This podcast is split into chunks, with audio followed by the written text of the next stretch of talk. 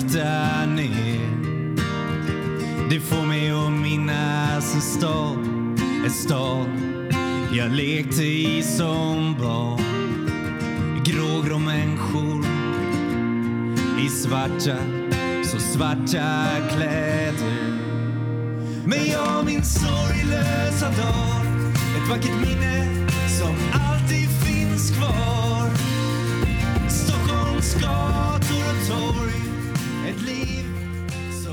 Hej och välkomna till Beroendepodden avsnitt 49. Mitt namn är Anneli. Eh, jag vill önska alla en god fortsättning och hoppas att alla haft en bra jul och nyår. Det har jag haft. Jag eh, har... Eh, jag firade i och för sig inte julafton för då satt jag i ett flygplan med min son på väg hem från Thailand. Men jag ska inte klaga, vi hade haft det jättebra.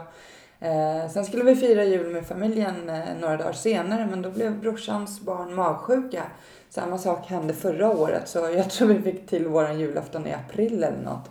Eh, men eh, som sagt, nyår spenderade jag nykter. Eh, tionde året nykter, jul och nyår för mig. Jag spenderade nyår med väldigt fina människor som jag har lärt känna nykterheten som också lever nyktra.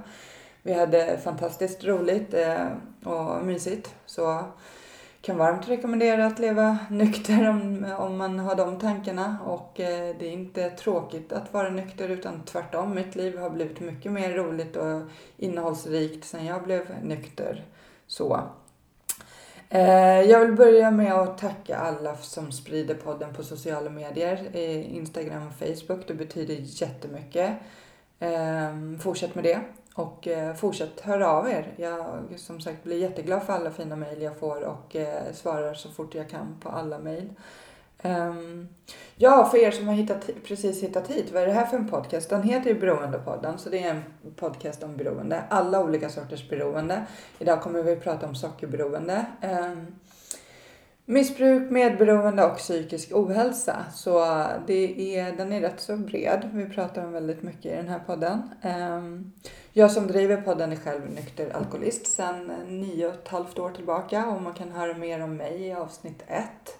Eh, vill man stötta podden så går det bra att göra det på olika sätt. Man kan gå in på hemsidan så står det hur man gör men man kan även anmäla sig till Flatenloppet som är ett löplopp på 5,8 kilometer runt Flatensjön den 15 september. Och man behöver absolut inte springa utan man kan gå, jogga, krypa, ta sig runt på vilket sätt man vill. Vi har ju haft Arne med oss några år som är 94 år gammal och han går runt med rullator. Så vill man ha en eh, fin dag och stötta podden så anmäler man sig till Flötenloppet och det gör man på flatenloppet.com. Eh, och vi springer ju som sagt för att bryta tystnaden kring beroende, missbruk, medberoende och psykisk ohälsa. Och på hemsidan så finns det även en sida som heter Hjälp att få. Där ligger lite olika eh, länkar till ställen man kan vända sig till om man själv behöver stöd och hjälp. Så kolla in hemsidan så. Mm. Men eh, ja, jag ska inte prata så mycket mer utan jag ska släppa in dagens gäster.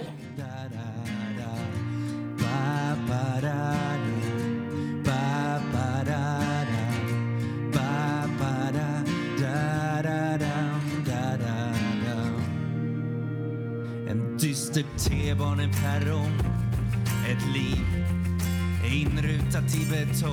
Ja, hej och välkomna till Beroendepodden Ann-Ida och My. Tack så mycket. Och ni kommer ju ock- också från en podcast. Det gör vi. Jajamän! Våran sockersystrar-podcast. Ja, om någon har hört talas om den. Ja. Jag, jag har. Helt uppenbarligen. Det är därför ni sitter här. Men My har jag ju haft med podden förut. Så jättevälkommen tillbaka till dig. Tack. Eh, hur länge har ni haft eh, eran podcast? Nu ska vi se. Jag tror att vi släppte vårt första avsnitt i maj. Så det blir väl lite över ett halvår. Men vi hade en väldigt lång lökpaus i mitten på sommaren när du bara jobbade så här 500% typ. Ja, ja, och lite, lite så här utlopp i arbetsnarkomani. Nej, men vi är ju såna, du vet. Vi kör ett liksom race, sen bara lökar vi och så kör vi ett race till. Det är Ja. typiskt beroende människor. Precis, så Ja. att vi är uppe i avsnitt, vi släppte avsnitt 14 nu. Mm, men vi har några på lager så det blir 16, 13 avsnitt tror jag vi är uppe till. Vi är såna intervallare. Det är liksom, Ja, vi spelar in ja. typ fem avsnitt på en helg och sen så rör vi inte skiten och sen spelar vi in fem till. Och det är så superskönt att göra så faktiskt. Eh, det borde jag också bli bättre på. Men eh, vad är det för podcast? Vad handlar den om? Sockerberoende. Mm. Så där är vi mer, du har ju din beroendepodd Mm. och eh, den är fantastisk. Eh, en av mina favoritpodcaster som jag lyssnar på. Det är som att ha ett tolvstegsmöte i lurarna Mm. precis när man vill. eh, medan vi fokuserar mer då på sockerberoende. Mm. Och sockerberoende-nischen är ju väldigt sådär, eh, alltså biokemisk reparation och det, alltså, det blir väldigt mycket biohacking nästan också Ja. i det. Precis, ja nej, men så det blir, vi, vi pratar ju om liksom vad är sockerberoende, själva maten, vad ska man äta, vad gör det med kroppen, vad skiljer det från andra beroende, vi har mycket så mentala verktyg, vi pratar om tolvstegsprogrammet men, men vi liksom pratar också om mycket annat som är närliggande. Och vi hade ett avsnitt nyss där vi liksom, eh, liksom klargjorde liksom vad skillnaden mellan att vara beroende och ha skadligt bruk, för det ligger nära varandra. Så vi undersöker alla möjliga områden till anslutning till sockerberoendet också. Så vi, tycker, vi har nischat in oss men vi har också en väldigt bredd och, och vi pratar ju också om beroendesjukdomen liksom generellt så också. Eh, för även vi sockerberoende kan ju komma och ha olika utlopp. Det är inte bara att vi är sockerberoende och så är det bra så utan det här är ju beroendesjukdomen. Mm, men vi har nischat oss lite grann. Men just liksom sockerberoende är ju så spännande för om man tittar på behandling för sockerberoende. För att jag har ju gått både på en öppenvårdsbehandling där man samlar både narkomaner, alkoholister, sockerberoende, sexberoende och så vidare och så vidare. Där det är väldigt mycket fokus på mentala verktyg och eh, alltså vad tänker man? Mer liksom psykologi nästan. Eh, medan sockerberoendebehandling som jag också har gått på, där är väldigt mycket fokus... Primärbehandlingen i alla fall. Ja, precis. Jo, men jag har ju gått sekundär och så vidare och så vidare också. Då handlar det väldigt mycket om biokemisk repar- reparation, kosttillskott, stötta hälsan, Matplan. ja, signalsubstanser, hormoner, olika sådana verktyg också som man väger in i den här behandlingen. Och de försöker ju vi tipsa och, och, och gå djupt in och det är lite, jag vet ju att de här i många andra, vad ska man säga, beroendeterapeuter tycker ju att sånt borde ju givetvis lyftas in för narkomaner och alkoholister också. Ehm, och där tror jag att, att sockerberoendebehandlingen är liksom bara några snäpp kanske. Ja, men det är ju det som vi alltid pratar om att till skillnad från andra droger, eh, nästan alla andra utlopp så måste vi alltid förhålla oss till våran drag, drog flera gånger om dagen. Mm. Och det är ju lite speciellt liksom. Mm. Så man måste vara väldigt, väldigt vaksam Mm. eh, med sockerberoende. För att det finns ju olika gränser för vad som är, är det och inte. Och vissa kan äta en sak men andra inte liksom. För det är inte att man, bara att man triggar på socker. Nej. Man kan trigga på mjöl, man kan trigga på konsistenser av mat som egentligen ska vara godkänd att äta. Så det är väldigt... Situationer, Situa- alltså det är väldigt kombinationer. snårigt. Ja. Mm. Så det är... Och även är ju volymmätning då en avart, man ska säga. Det är en del av att vara sockerberoende också. Det pratade vi med Bitten Jonsson om senast igår. Ja. Eh, och det handlar ju väldigt mycket, där börjar man ju tänka liksom att det är liksom lite oxytocinbrist där. När man liksom äter så mycket så att det spänner ut magsäcken så blir det som att man blir kramad inifrån och man får liksom ett oxytocinpåslag. Och att man då kan jobba runt detta genom andningsövningar och närhet och sådär för att inte triggas till den punkten så att man hetsäter för att få sitt oxytocin. Mhm, Intressant. Mm. Mm. Det avsnittet måste jag lyssna på. ja men du ser att man, det, vi har ju, ja, det finns ju att prata om. Ja. Massa, massa, massa saker. Ja. Och det försöker vi göra. Precis, och det, är- nej, men det är jättekul och sen så också ta in andra eh, människor med andra. Det är ju en beroendesjukdom. Är det ju. Eh, och det spelar ju egentligen ingen roll vilket utlopp man har.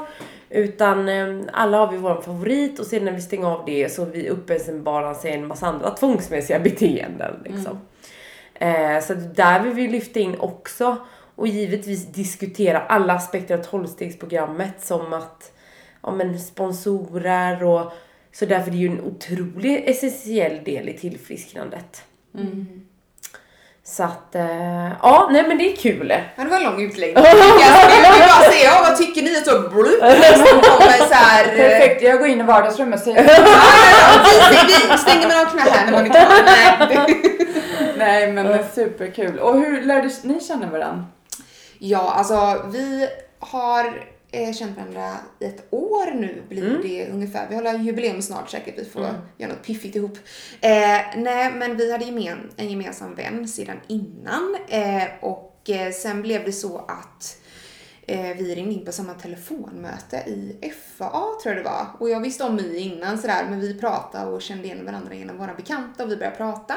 Och sen gick vi en uppföljningskurs på Arteget. Eh, som har eh, kurser och, och sådär för eh, sockerberoende. Och då träffades vi första gången i december nere i Malmö. Ah, ja, men det var ju som att träffa någon man har känt hela sitt liv typ. Jag och My bara klicka direkt. Det var liksom så här instant connection. Det var... Men vi båda är så här dopaminare liksom. Det är vi ju. Och jag menar det är ju så här att när två dopaminare möts så, så händer så, så blir det liksom fyrverkerier på något sätt. Eller antingen hatar man varandra eller så älskar man varandra. Ja. Eller hatar varandra, det ska man göra man ju inte men. Jo, det gör man. Speciellt du, du är den bittra utav oss. Ja. Nej men så eh, lärde vi ju liksom känna varandra väldigt snabbt och blev väldigt förtjusta i varandra. Eh, och, och många andra sockerberoende man träffar, de kanske har andra dominerande signalsubstanser och kanske mer men liksom lite mer jordade än vad du och jag är lite kan man mer säga. broms i sig sådär, liksom. det, Och sen hade vi också när vi pratade med varandra att vi, hade, vi var väldigt lika i vårt ätbeteende.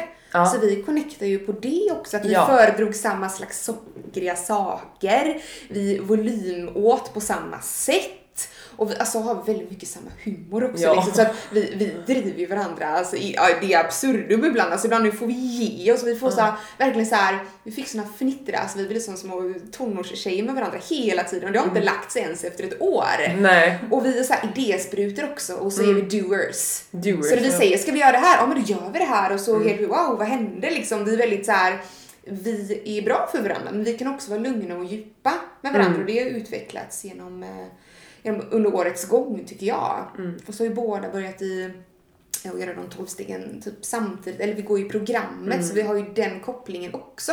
Att vi alltid vi utvecklas tillsammans och på varsitt håll. Och det är väldigt, en väldigt givande vänskap, så känner jag det i alla fall. Så känner jag det också. Och jag blir alldeles här. Nej men vi, vi är verkligen så här bra för varandra tror jag. Och det, det är liksom så här att Anida är ju stark på de punkterna jag är svag. Och tvärtom. Till exempel. Jag är inte svag på något. jag tänkte mest på min feta plånbok. Okej, jag, jag är en fattig student. Går bra att swisha sen. Ja, nej. Nej men det är sen när man träffar någon och så delar man så mycket liksom. Eh, och, och, och vill på något sätt ha sin sjukdom erkänd. För vi, vi får ju inte det. Alltså jag menar till exempel en öppenvårdsbehandling kostar kanske 100 000. För andra beroende går, går eh, får landstinget in och ja. betalar. Men för oss sockerberoende så får man hosta upp det själv och det är ju inte alla som kan det. Eh, Nej men liksom för att få eh, pengar så att landstinget ska gå in och betala någonting så behövs det ju en diagnoskod. Och alkoholism har ju en diagnoskod. Alltså narkomani heter det narkomani, det låter så gammaldags liksom. Men förstår du? Substansmissbruk då, det finns ju diagnoskod.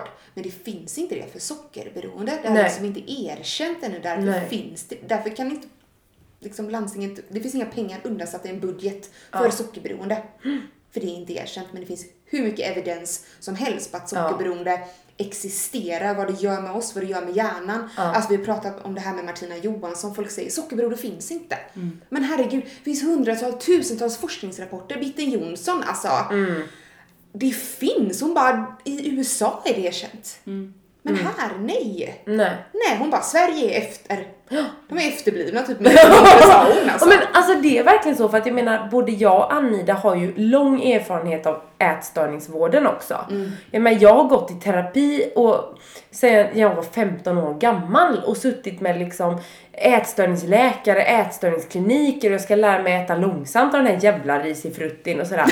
men liksom, det enda som fungerar på mig det är Ät liksom drogen noll. långsamt, ät drogen Ja långsamt. men det är så liksom, ja men det är ungefär lika dumt som kallar en alkoholist för en alkoholstörd. Och sen har ni en våg då till, till en glas för att ni ska lära er dricka lång, långsamt liksom.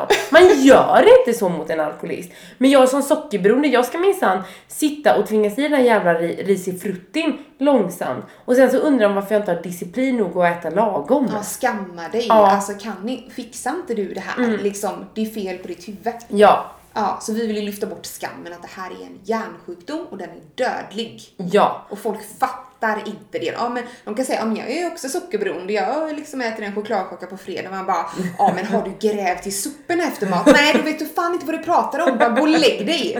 Så är det liksom. Du Vi är inte arg. bittra. Alls, vi är inte bittra alls. Nej, nej, nej, nej, nej, nej. Nej. För, före detta tjockisars klubba. Jag hatar alla smala människor! Nej då. Men det behövs verkligen. För att jag kan ju säga att jag får ju mycket förfrågningar om jag inte ska ha mer avsnitt med och prata om sockerberoende och så. Och det ska jag ju självklart ha. Och nu är ju ni här så det är ju... Eliten har anlänt. Jag skojar bara. Men ska vi, för de som inte har lyssnat på avsnittet med dig Mm. My, eh, ska vi dra lite kort, om man nu kan köra en live story kort, men hur det har sett ut för dig? Mm, absolut, absolut. Nej men jag och Anida vi, vi brukar ju skratta och flamsa väldigt mycket kring just det här med sockerberoende för att för oss, för mig, har det alltid varit väldigt skambelagt det här med maten. Eh, mina första minnen ham- hamnar om liksom hur jag smyger upp på nätterna redan liksom sen 4-5 år gammal. Ner till köket och, och hetsäter socker. Och eh, allt med mjöl liksom. Hur jag som liten, liten flicka kunde gå upp och typ, ja men du vet, rota igenom frysen. Frysen låg i källaren så då smög jag upp så ingen liksom såg mig ner dit och så stod jag liksom åt frysta lussekatter typ eller brödbitar direkt ur frysen liksom. Jag kommer ihåg liksom grejen när mamma hade bakat äppelpaj och jag kunde liksom bara stå och skrapa av smuldegen på. Sådär. Och mamma och pappa var jättearga på mig. Ehm, och de visste inte hur de skulle kontrollera mitt ätande. Och jag började stjäla pengar.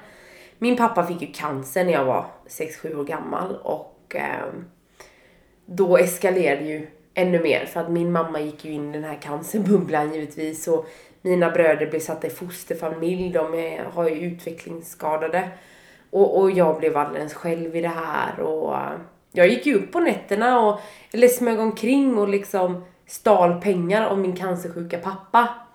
Där jag gick till affären och, och liksom köpte godis för detta och bakverk. Jag kunde gå långt liksom. Idag så kan jag bara tänka så här, gud vad farligt för en sjuårig liten flicka att gå så långt. Jag vet att jag liksom, jag vet inte, pysslade ihop skitsaker som jag sålde till grannarna för att få pengar och så snattade jag också. Och jag blev påkommen flera gånger och det var, det var sån skam och så fick jag straff på straff då givetvis. Men det var ju ingenting som bet på mig för att den här djävulen behövde ju sin drog i mig liksom. Ehm, och när jag var nio år gammal så såg mina föräldrar då hur, hur stor jag hade blivit så att, eller åtta kanske jag var. Så jag blev medsläpad till en, till en eh, dietist. Och där skulle jag väga och mäta maten och det var ju sån oerhörd förnedring. För jag visste ju redan då att jag åt för mycket och att jag rörde på mig för lite liksom. Men ändå så satt man där liksom som vuxen och liksom talade om för mig hur, ja men liksom så här självklara saker så att jag kände mig helt, helt misslyckad. Och jag är ju som fan i den här matboken givetvis. Ehm, som nioåring då så började jag på Viktväktarna första gången. Det var ju också det här liksom att väga och mäta maten och det, jag ljög ju där också med pointsen och jag vet ibland så försökte jag och då var det liksom så här: okej, torkade russin. Hur många torkade gram torkade russin kan jag få för mina points? För det var det sötaste jag kom på som vi hade hemma. Så jag kunde liksom maximera mina points för, för jag skulle få äta och få så mycket socker i mig som möjligt liksom. Det var liksom så jag jobbade de här dietprogrammen.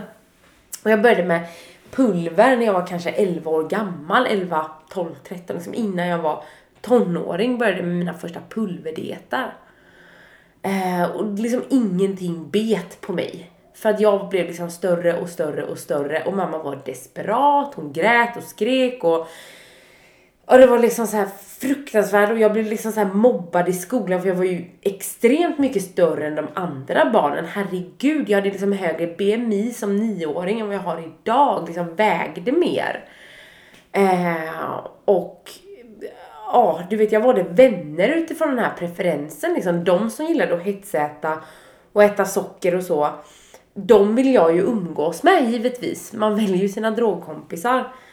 Och det här fortsatte. Eh, och när jag flyttade hemifrån, då var jag 15 år gammal för att jag bodde ute på en liten ö. Och det var liksom två timmar till närmsta gymnasium. Så jag var tvungen att, att, att flytta dit. Eh, och då eskalerade det ju liksom.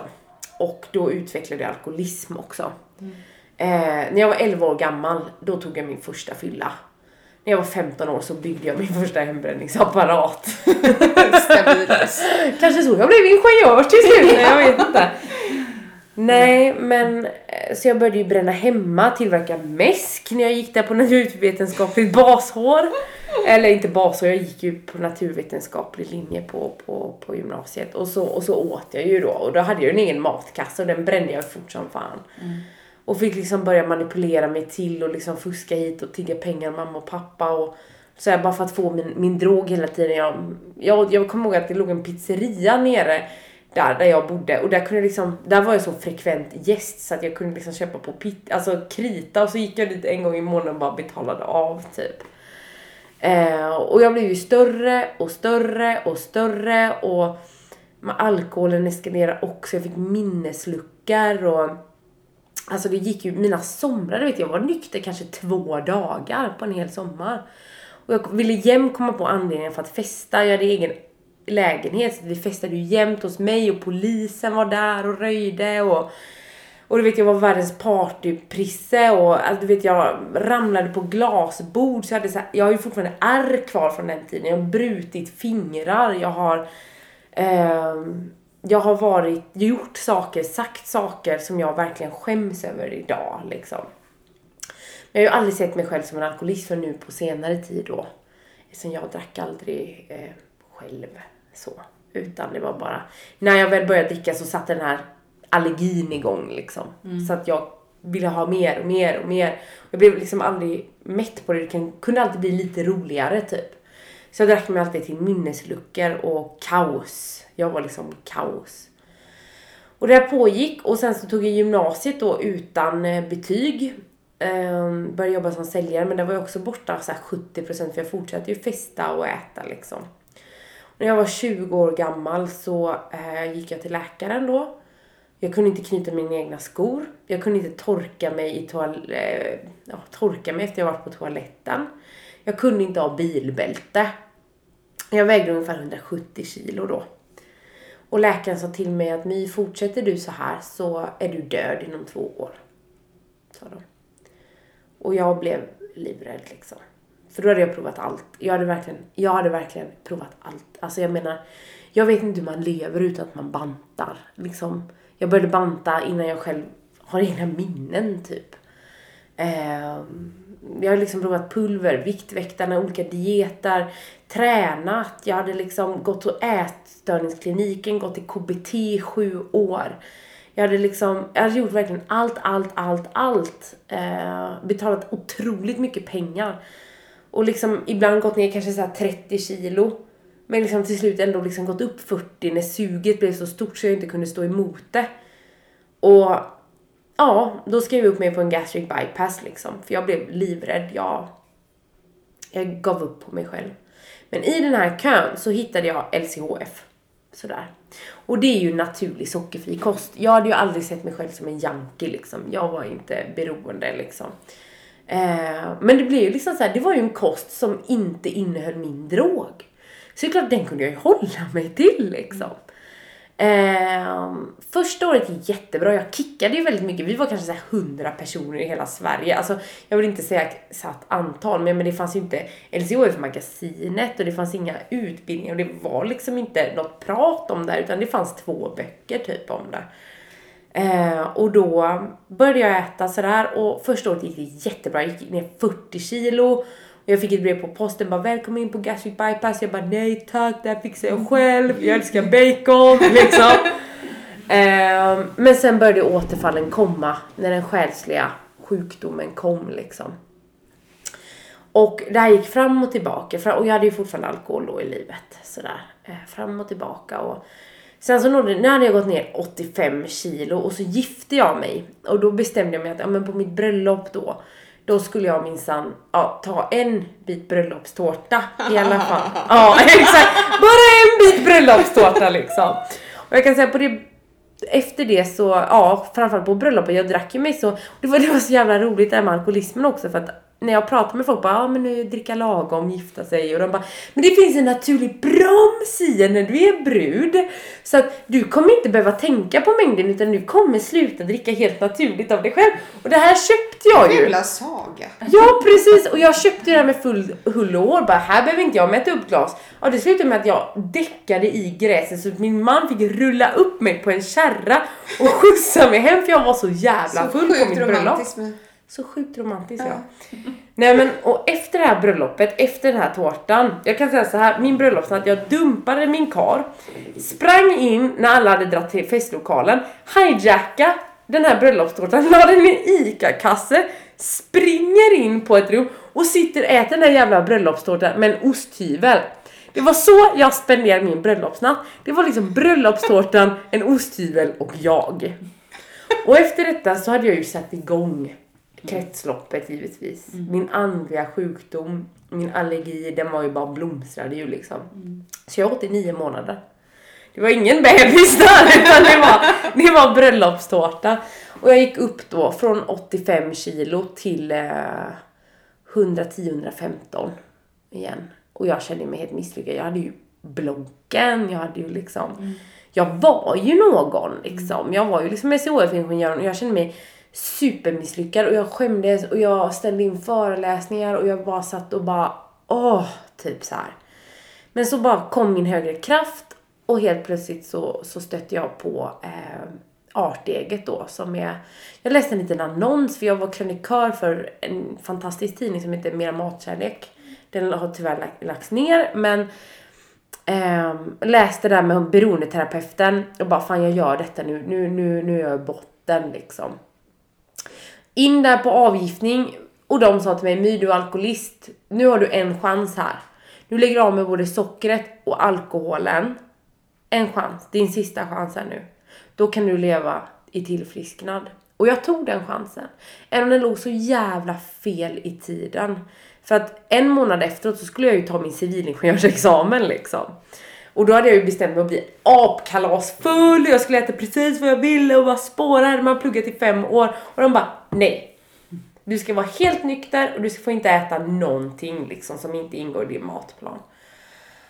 Och jag fick ju en mentor via där faktiskt och inte en sponsor utan en mentor faktiskt som tog mig igenom detta och, och jag avgiftades och jag har, jag har inte ätit, druckit, inte ett mejerier, eh, inte ett sötningsmedel, inte ett några substitut, inte druckit alkohol sedan eh, den 15 femte 2015.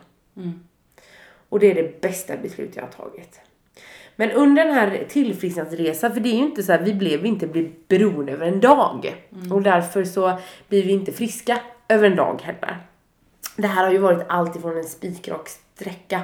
Ofta när man liksom gör tidningsreportage där jag är med i så är det liksom före, efter, åh minus 95 kilo, wow liksom. Så ser det ju inte ut. Utan den här resan på två och ett halvt år har ju faktiskt varit som jag har börjat eh, fått ett annat utlopp i tvångsmässig överätning. Som vi pratade om där, oxytocinbristen. Där jag då eh, fick skriva in mig på ett annat tolvstegsprogram. Eh, göra stegen där. Eh, bli befriad där.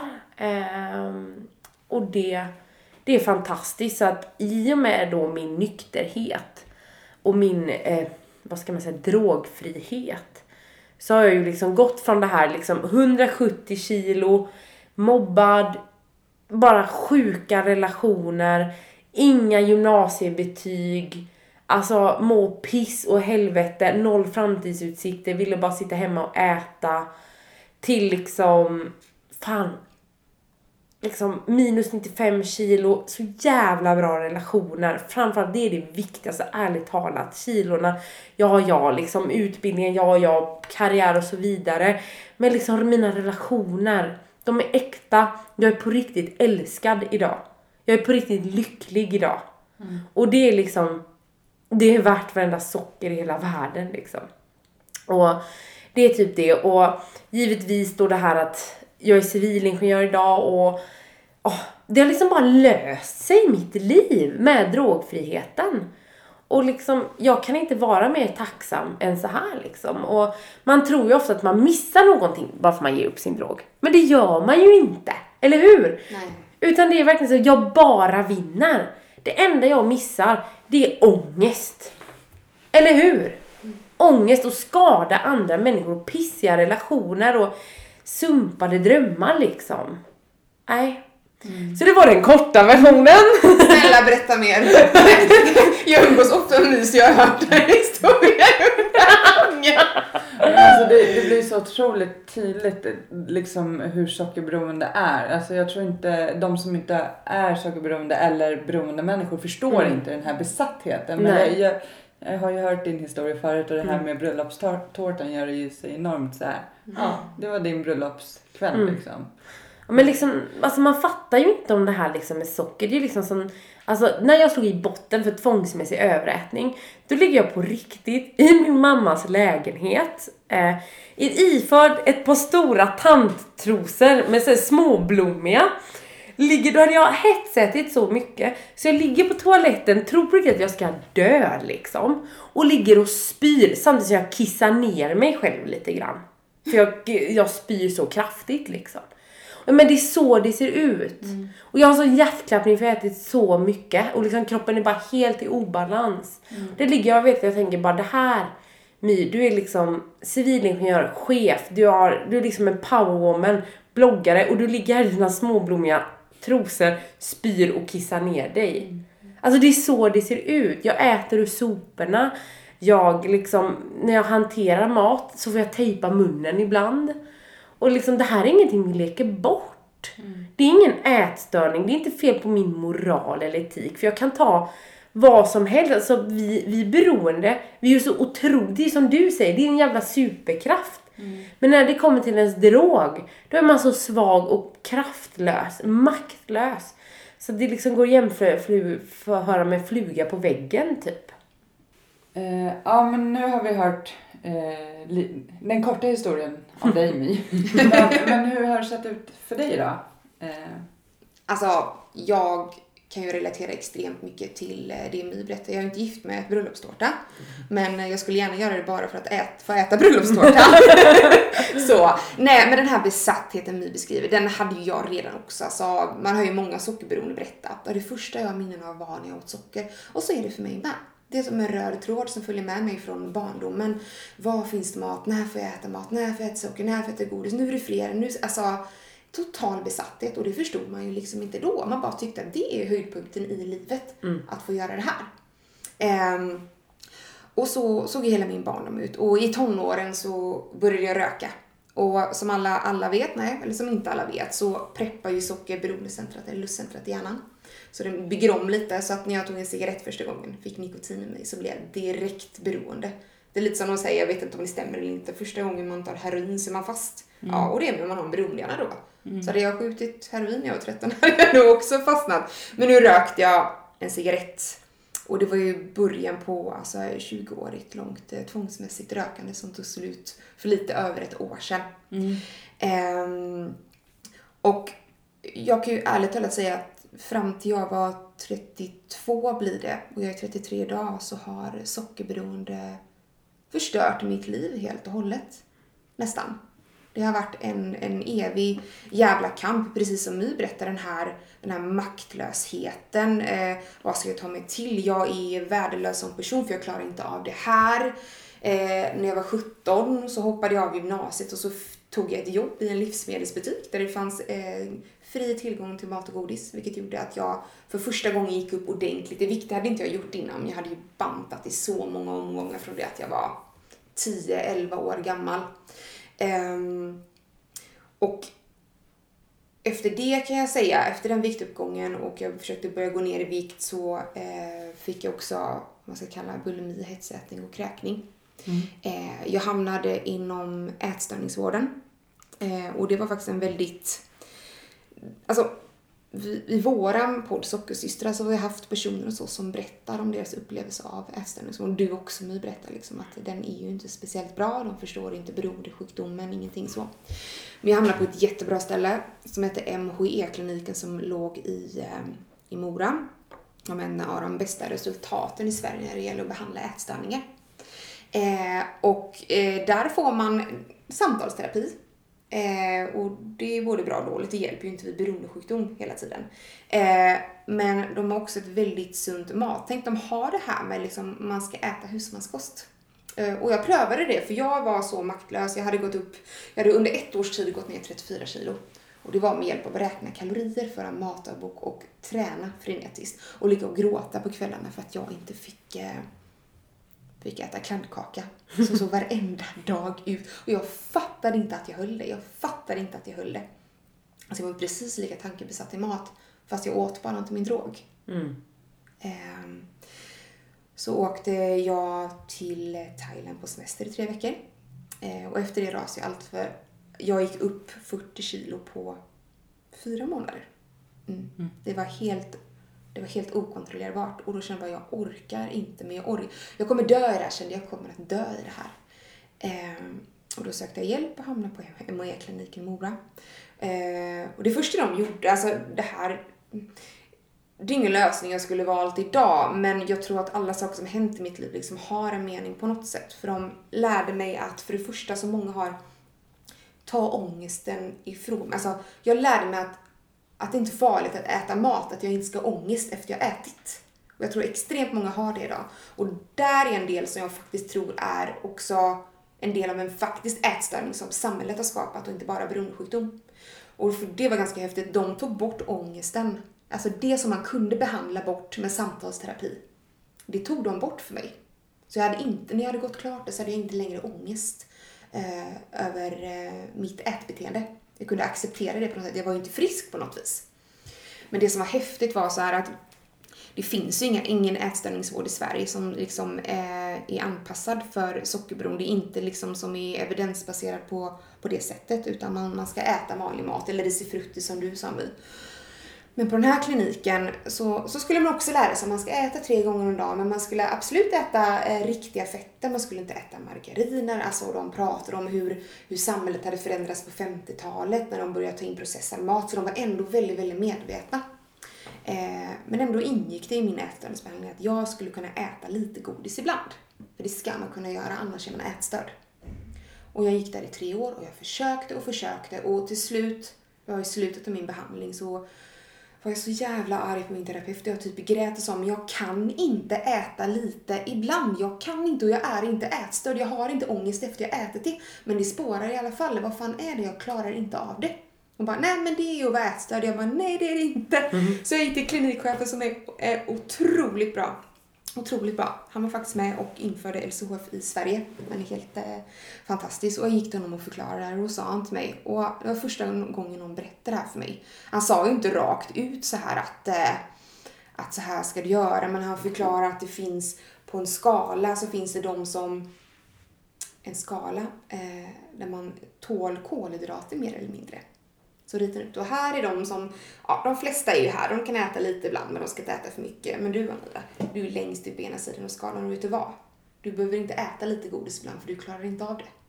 Och det var första gången jag förstod på något sätt att jag var typ på något sätt allergisk mot kolhydrater och det här var ingen ätstörning. Det var något helt annat. Och det var så jäkla skönt. Ehm, och de använde något på den här kliniken som, när inte den vanliga liksom, eh, vad heter det, tallriksmodeller fungerade så hade de något som hette omvänd tallriksmodell. Det var lite finurligt. Så det var inte att de sa, nej men här har vi LCHF, utan nej men vet du vad, ta bort potatisen och häll lite extra sås på. Det var liksom deras sätt att, eh, att inkorporera det här som man egentligen inte fick ha. Och det fungerade ju. Så det var lite där jag kom i, i kontakt med eh, LCHF, men precis som du My så, eh, den LCHF som fanns, det innehöll ju vad jag nu anser vara drogmat som mejerier och det var sötningsmedel och det var, ja, nej det var inte så himla bra. Eh, så jag gick på LCHF men tog återfall hela tiden tills jag eh, gav upp nästan. För det, alltså, hur jag än försökte så gick det inte. Och jag trodde att jag var sinnessjuk. Jag trodde på riktigt att jag var sinnessjuk. Jag kunde inte hålla mig till någonting. Jag höll mig i en, två, alltså max tre veckor. Sen åt jag så mycket så att jag i princip låg och kräktes och fick, jag fick så här eksem på armarna. Alltså det, det, var helt, det var helt sjukt. Det var helt sjukt. Jag kände, jag kan inte leva så här.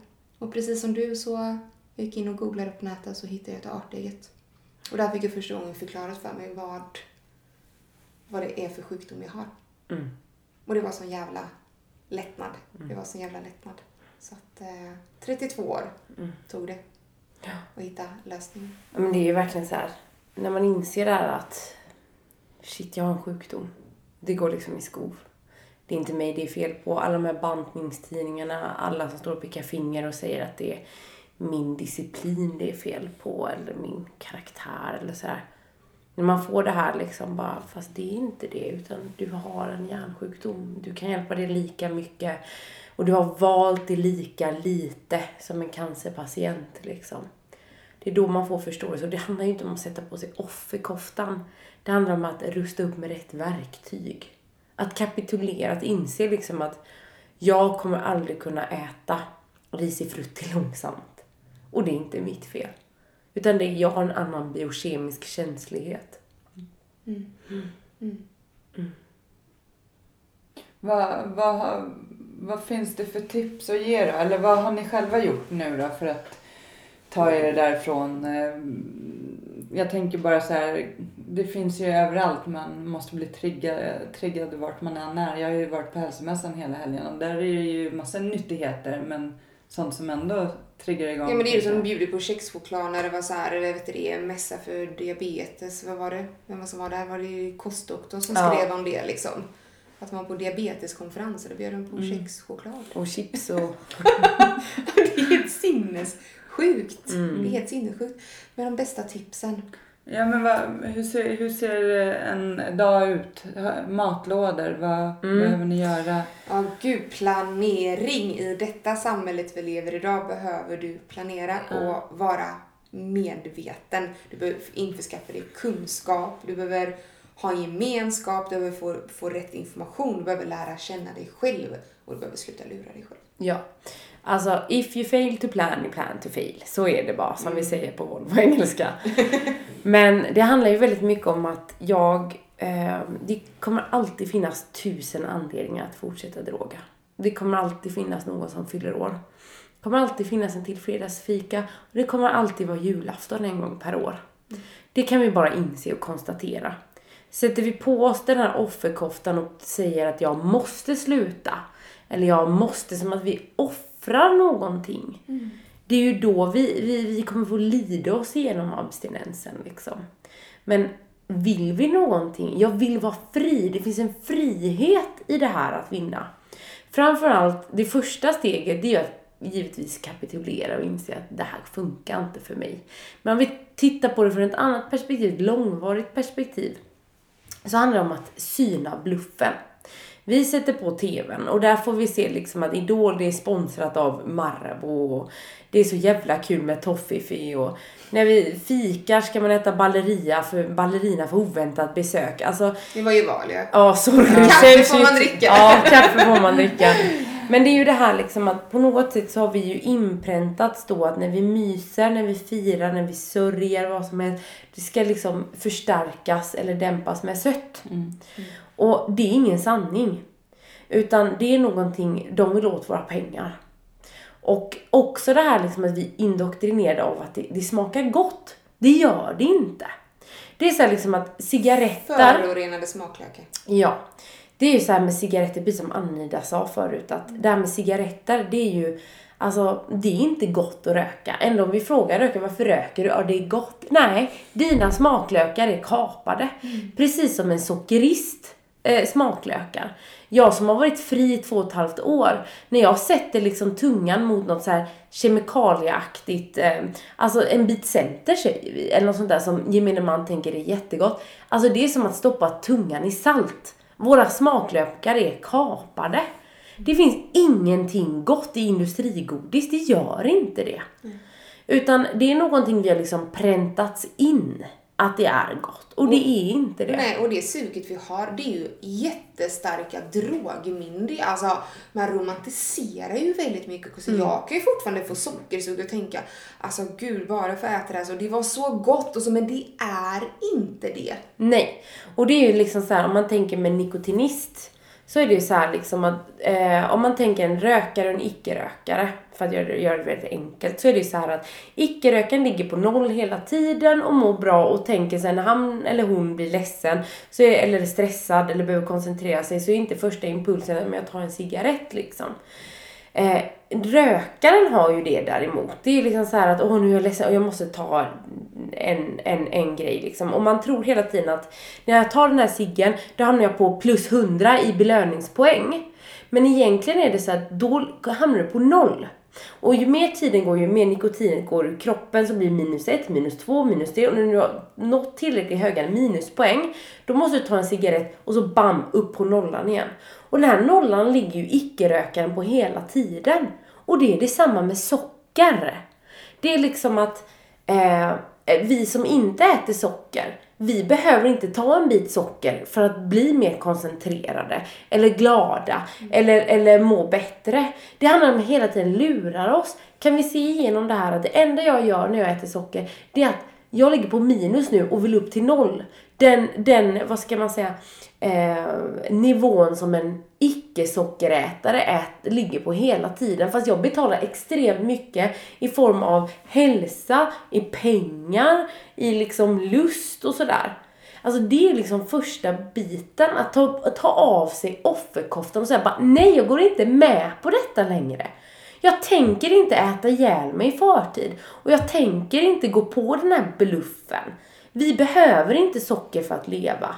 Vi behöver inte socker för att må bra. Vi behöver inte socker för att känna glädje eller trösta oss. Vi kan det på andra sätt. På naturliga sätt. Mm, men du och jag har ju pratat en hel del om, även i, i, i podden, att vi faktiskt är tacksamma att vi är sockerberoende så vi Ja. slipper leva som resten av, av samhället gör. För alltså, det är inte på riktigt. Det är inte på är, riktigt. Det är en bluff och jag är jättetacksam att jag har en dödlig sjukdom och jag måste äta på ett visst sätt för det har gett mig så himla mycket. Mm. Alltså sockerberoendet har gett mig livet tillbaka på ett sätt Ja. för det var tvungen att bli så illa att jag kände att jag håller på att dö av det här. Så jag kunde vända runt allting. Ja. Alltså för man måste ge lite hopp för alla tycker det är så svårt att ge upp socker. Det är som, alltså många sitter på till exempel FA eller OA-möte, ja det känns som jag liksom, eh, min bästa vän har dött. Mm. Och du måste få sörja det. Det är ju det sorgebearbetning går till. Vi ska ju sörja våran drog givetvis. Men om man tänker liksom på tips och sånt i vanliga fall så är det ju liksom, precis som du sa, alltså planering. Jag kan inte bara sätta mig hit i Stockholm och bara, ja men maten löser sig. Fast det gör den inte. Alltså ska jag äta ute på ett ställe så kollar jag menyn innan. Funkar inte det, då ber jag dem jag ska dit med äta på något annat ställe med mig. Eller så tar jag med mig eget. Jag lagar storkok och det innebär för jag vet att jag kan få magsjuka eller bli jättesjuk imorgon. Då kan inte jag stå med en tom frys utan jag ska alltid ha abstinent mat. Jag ska också hålla koll på vilka livsmedel som triggar mig och då kan inte jag vara så fyrkantig så jag tänker LCHF paleo eller sådär utan det handlar om att gå in Fixar jag bönor? Fixar jag eh, köttfärs? Fixar jag tacokrydda? Vi måste liksom vara, göra en ärlig inventering av livsmedelssituationer, eh, konsistenser, kombinationer och så vidare om man tänker på väldigt basala tips. Alltid ha med sig och ehm, på något sätt ligga steget före hela tiden. Och gemenskap, jag menar det är ju så här att när man är med i tolvstegsprogrammet så är det så här liksom att jag kan träffa en människa en timme.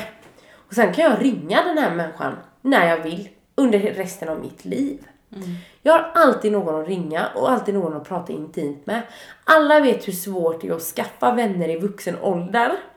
Men jag menar, är du, går du på tolvsteget så träffar du nya vänner hela tiden. Jag menar, de flesta av mina vänner idag är ju beroende människor. För att det blir ju liksom så här, det är så man träffar nya fantastiska människor i sitt liv. Och det väger ju upp det negativa med drogen. Har du några fler tips Anida? Nej, jag tror du fick med. Eh, Men vart vänder man sig? 12-stegsprogram, eh, FA, OA. Va, vad står FA för och vad står OA för? De som inte vet. Är det någon... Mm, då är det oasverige.org och det är Overeaters Anonymous. Ja, precis, och FAA är ju Food Addicts Anonymous och hemsidan där är också faa.se. Finns även på Facebook. Och både FA och OA, om man inte kan ta sig till livemöten för att alltså, de här programmen är ju inte lika stora som NAAA som har möten liksom överallt flera gånger om dagen liksom så. Eh, så finns det telefonmöten. Varje dag, flera gånger om man ringer till båda programmen. Så bor man någonstans eller vet hur det är med sockerberoende och isolering, att man vill inte gå utanför dörren. Ring i så fall. Ja. Ring så får du, får du hjälp och stöd. ja. Det får du. Och lyssna på Sockersystrar Ja, kan man göra. Skit i tolvstegen, lyssna på podd. Um, måste jobba med sig själv lite. Ja, det Ja, lite Tyvärr. kanske. Lite ja. kanske. Vi är inte universallösningen. Även även om vi tror det ibland i våra, våra stunder. Men du har ju också en eh, rätt så stor blogg. Mm. Precis. Som heter... lcofingenjoren.se och även Instagram då, Facebook som man kan gå in och... Hur många följer? Alltså jag tänker hur... eh, eh, hur många är, det vet ju inte du, hur många som är sockerberoende, men vad tror du? Har du pratat med Bitten om det eller så här? Ja, Har ni kommit fram till något? precis. Eh, Oj, kanske inte säger exakt. nej, men Men man är det säger inte en väl... tredjedel av Nej, alla? utan det är 75% av befolkningen som man ser det idag verkar ha en eh, medfödd känslighet. En tredjedel av de 75 procenten eh, har potential att utveckla sockerberoendesjukdomen, eller beroendesjukdomen då med utlopp på socker. Enligt eh, arteget vet jag. Eh, sen så kan ju inte jag svara upp på källor där men sedan så är det ju, det finns ju destruktivt bruk också eller skadligt bruk. Och det får man ju tänka på ehm, och det är ju de då som Alltså får de, alltså skadligt bruk versus beroende det upptäcker man ofta i slut, alltså i fasen när man ska sluta. Det är ju det här liksom någon med, som får så stora konsekvenser så att man väljer att sluta och faktiskt håller det här beslutet. De har ju ett skadligt bruk. Men vi som är beroende, det spelar ingen roll om vi äter bort jobb, skola, familj. Nej, nej, nej, nej. Så här, vi, vi kan ju inte sluta ändå. Så att, eh, och de, men de kan, alltså skadligt brukarna kan ju lära sig otroligt mycket av oss och ta hjälp, verktyg av beroendesjukdomen också. Jag menar, 12-stegsprogrammet är ju livets program. Alla borde ju göra det liksom. För att må ännu bättre. Ja, och maten vi äter. Alltså, Det är ju så människan är menad att, Ja. att äta. Alltså visst, man behöver inte äta så himla strikt som en beroende som kan trigga på mycket olika saker. Men alltså rent generellt så är det en kost som läker kroppen och det pratar vi om i, i andra avsnitt. Liksom, jag är om hjärnans biokemi, mag och tarmhälsa, inflammationer, hormonella system. Liksom. Så att det är ju inte farligt att äta som en sockerberoende. Det är Nej. väldigt, väldigt bra. Det är väldigt, väldigt bra, Mm. precis. Det är en antiinflammatorisk eh, kost som människan är skapt för att äta. Mm. Lite tråkig ibland, men... eh, men eh, vi lever på den. Idag så är det ju så här, förut så levde ju vi för att äta. Idag äter vi ju för att leva, så att säga. Och då spelar det ju mindre roll. Ju tråkigare maten är, desto bättre ibland. Ja, som mamma vad det brukar smaka i kartong så är det rätt ute. Jajamensan. Ja, fast så illa är det faktiskt inte. Nej, det, det kan ju smaka otroligt gott och man kan göra Mm. otroligt mycket med det. Men man får vara försiktig för att man vill inte ha det för gott heller. Så. Så det, ja. Ja. Och sen så vet jag att du slutade ju faktiskt med nikotin här för Ja. inte länge sedan. Så du är helt, Clean! Inte ens koffein dricker jag nu. nej. Så att jag har från då ha gått och varit så här supersockerberoende, alkoholist med liksom tvångsmässig överätning och ehm, ja, jag började snusa när jag var 13 tror jag. Jag tog min första snus. Och sen så i slutet då så snusade jag två doser om dagen och rökte ett paket cigaretter i veckan. Till liksom noll, ingenting. Jag brukar ingenting som är eh, beroendeframkallande idag. Och det, det, jag kan säga så här att det, jag var jätte, jätterädd faktiskt. Men jag läste den här boken från Alan Carr, eh, Äntligen icke-rökare. Och den gjorde så att jag tänker inte på snus liksom alls. Och, och den har hjälpt mig också att få en ny syn på sockret faktiskt. Eh, fantastiskt bra bok att, att läsa om man ska sluta snusa och röka. Den eh, har jag läst några gånger. Ja. Och det var faktiskt med den som jag slutade Mm. röka och eh, använde mig av 12-stegs Mm. program. Ja. på, på, när jag slutade röka för, vad blir det, åtta och ett halvt år sedan, Mm. då fanns det faktiskt eh, anonyma nikotinister. Mm. Ja, jag vet inte om det finns det nu, men jag gick, vi var typ två, tre på möten och satt där och pratade Mm. ett tag, men det hjälpte. Men du, Ja, har du också läst den? Jag läste den, det var många år sedan. Eh, Jag läste den, slutade röka i fem år och fyllde dit igen. Mm. Så att, och så rökte jag nu i, hur länge blir det? Om en tre, fyra år och nu har jag varit rökfri ett år då. Mm. Men det är ju så, man kan ju aldrig gardera sig. Jag menar det finns ju folk som har varit sockerfria i sju år och så faller de dit. Eller människor som, det läser man ju i stora boken om han. Den här snubben som, som drack och sen bara för att det här funkar inte med jobbet men jag ska börja dricka när jag går i pension står det i stora boken. Och så var han nykter och sen så drack han ihjäl sig på bara något år liksom. Så det går ju, hur, alltså det finns ju ingen dag i världen, hur många dagar man än har. Så finns inte det ett skydd mot beroendesjukdomen. Nej, men nu sitter det en massa beroendemänniskor där och tänker skitsak samma Nej, men man undrar ju aldrig en, en, en drogfri dag. Så Nej. säger vi så du inte får för dig något nu alltså. Nej, det är väldigt lätt att bara höra det man vill höra. Ja, ja. Nej, nej, nej. Alltså det jag menar det är ju liksom så här att typ att jag kan ju aldrig säga att jag kommer vara sockerfri resten av livet. Jag kan ju aldrig lova någon att jag aldrig mer kommer dricka vin. Det enda jag kan lova är att de här 24 timmarna, det kan jag lova. Men liksom ingenting annat än så. För att jag menar, jag kan insjukna igen. Det här är en lurig sjukdom, den är lömsk, listig och stark. Så att även om du var, var, var drogfri i fem år från nikotinen. Så är det klart, det är bara att plocka upp det. Man, man plockar ju det man slutar. Det är bara att sätta Ja. sig i samma tåg igen liksom. Det är inte så att man har läkt och Ja, ett klarar blås och så det. var tankebesatten hela Ja. den där dygnet runt. Ja, Jag, var- jag var ju storrökare. Jag rökte ett paket om dagen, snusade en halv dosa och under en viss period använde jag även nikotinplåster och nik- nikotintuggummi. Ja. Det var, det var så här, nu ska jag sluta. Så här. Ja, Det, det är liksom, jag vet själv så börjar man så fan ta plåstret först. Ja, alltså, och det, det var så sjukt. Och precis innan min 30 år, två veckor innan min 30-årsdag, då hade jag försökt sluta röka i 12 års tid.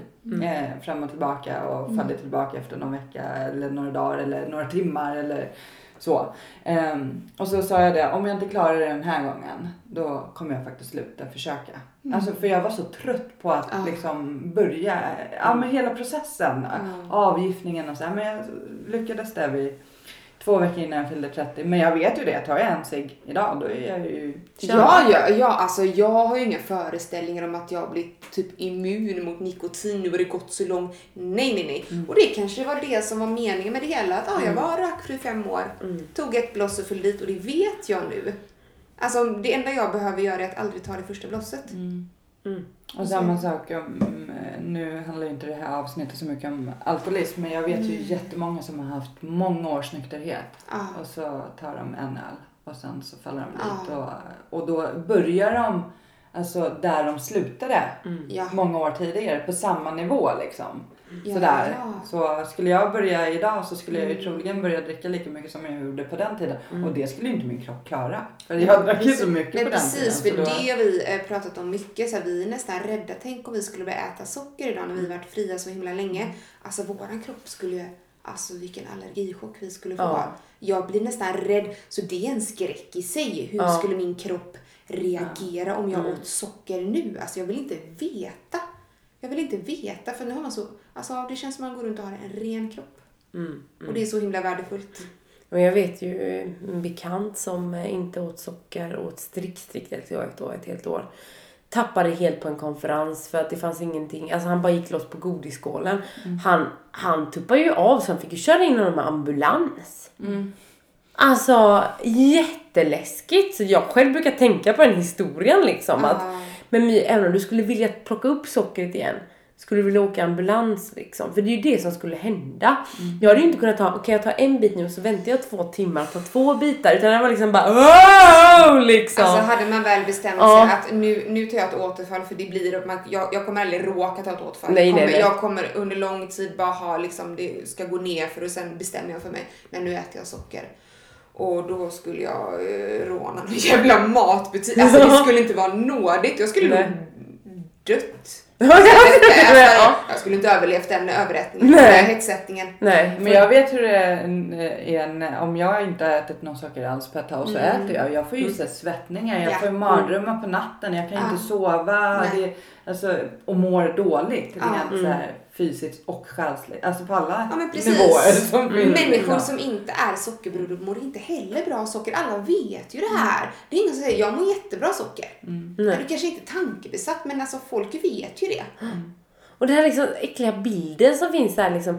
Hela familjen, vi samlas i så här och mamma har köpt hem godis och vi ska kolla på Idol. Men alltså det som händer, det är att ungarna blir hyperaktiva.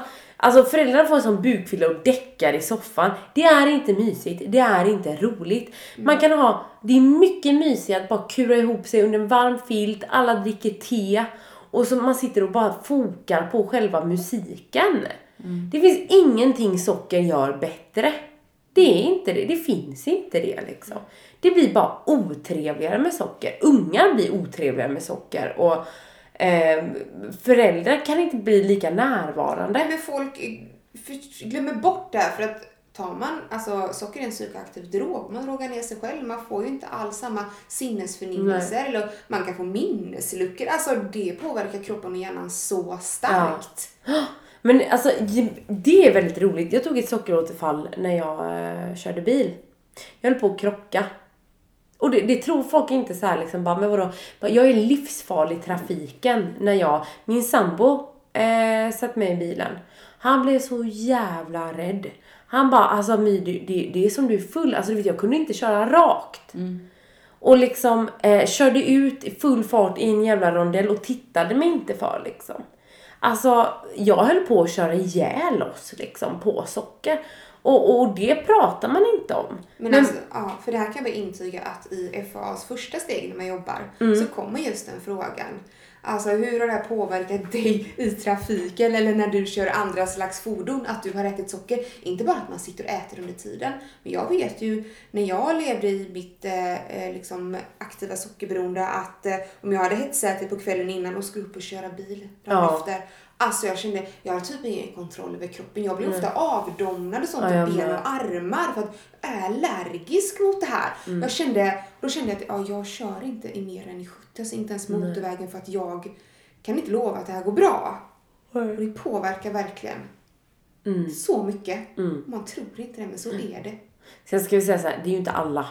Nej. Det är inte så att alla reagerar så på socker som vi gör. Men vi Så för, för beroende det gör sitter det. någon och lyssnar och som har ätit en chokladbit, nej men nu vågar inte jag köpa det. Är det ju liksom inte utan vi pratar om vi som verkligen är sockerberoende och Ja. drogar på det här riktigt tungt så. Det, det kan man ju skratta åt om man vill men alltså har man upplevt det liksom det Det är är... jävligt tänker att det finns en anledning till att det finns med i FAs första Ja, steg. verkligen. Och till er som lyssnar, om ni vill veta mer om sockerberoende så är det ju bara att gå in och lyssna på eran podd. Mm. Ja, Ja. Om, man, om man känner att man orkar med oss Ja, avsnitten precis. och hört det här. Och jag hoppas ju på att eh, få se er i den här podden igen i Jättegärna. framtiden. Gärna. Och så önskar jag er allt gott tills vidare. Tack. Tack så mycket. Tack för att jag fick vara med er. Tack själva att vi fick komma och köta lite.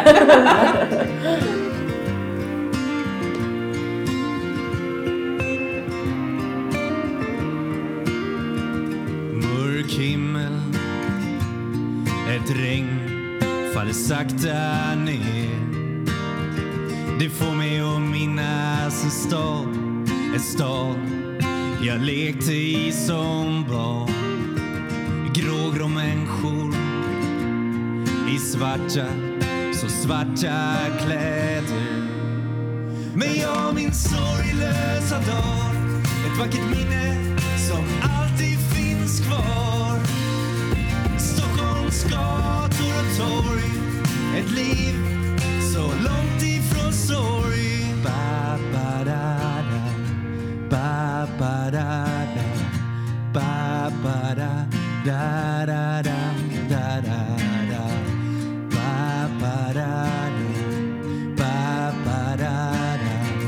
Ba ba da da da da. Da da da. En dyster T-baneperrong ett liv inrutat i betong. Stäng ut det andra med musik. Fokusera allt på att bli rik. Här finns en dyster atmosfär. Ett liv kretsat kring karriär. Men jag min sorglösa dag. Ett vackert minne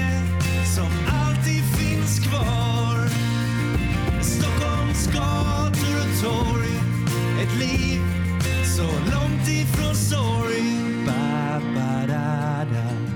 Ba ba da da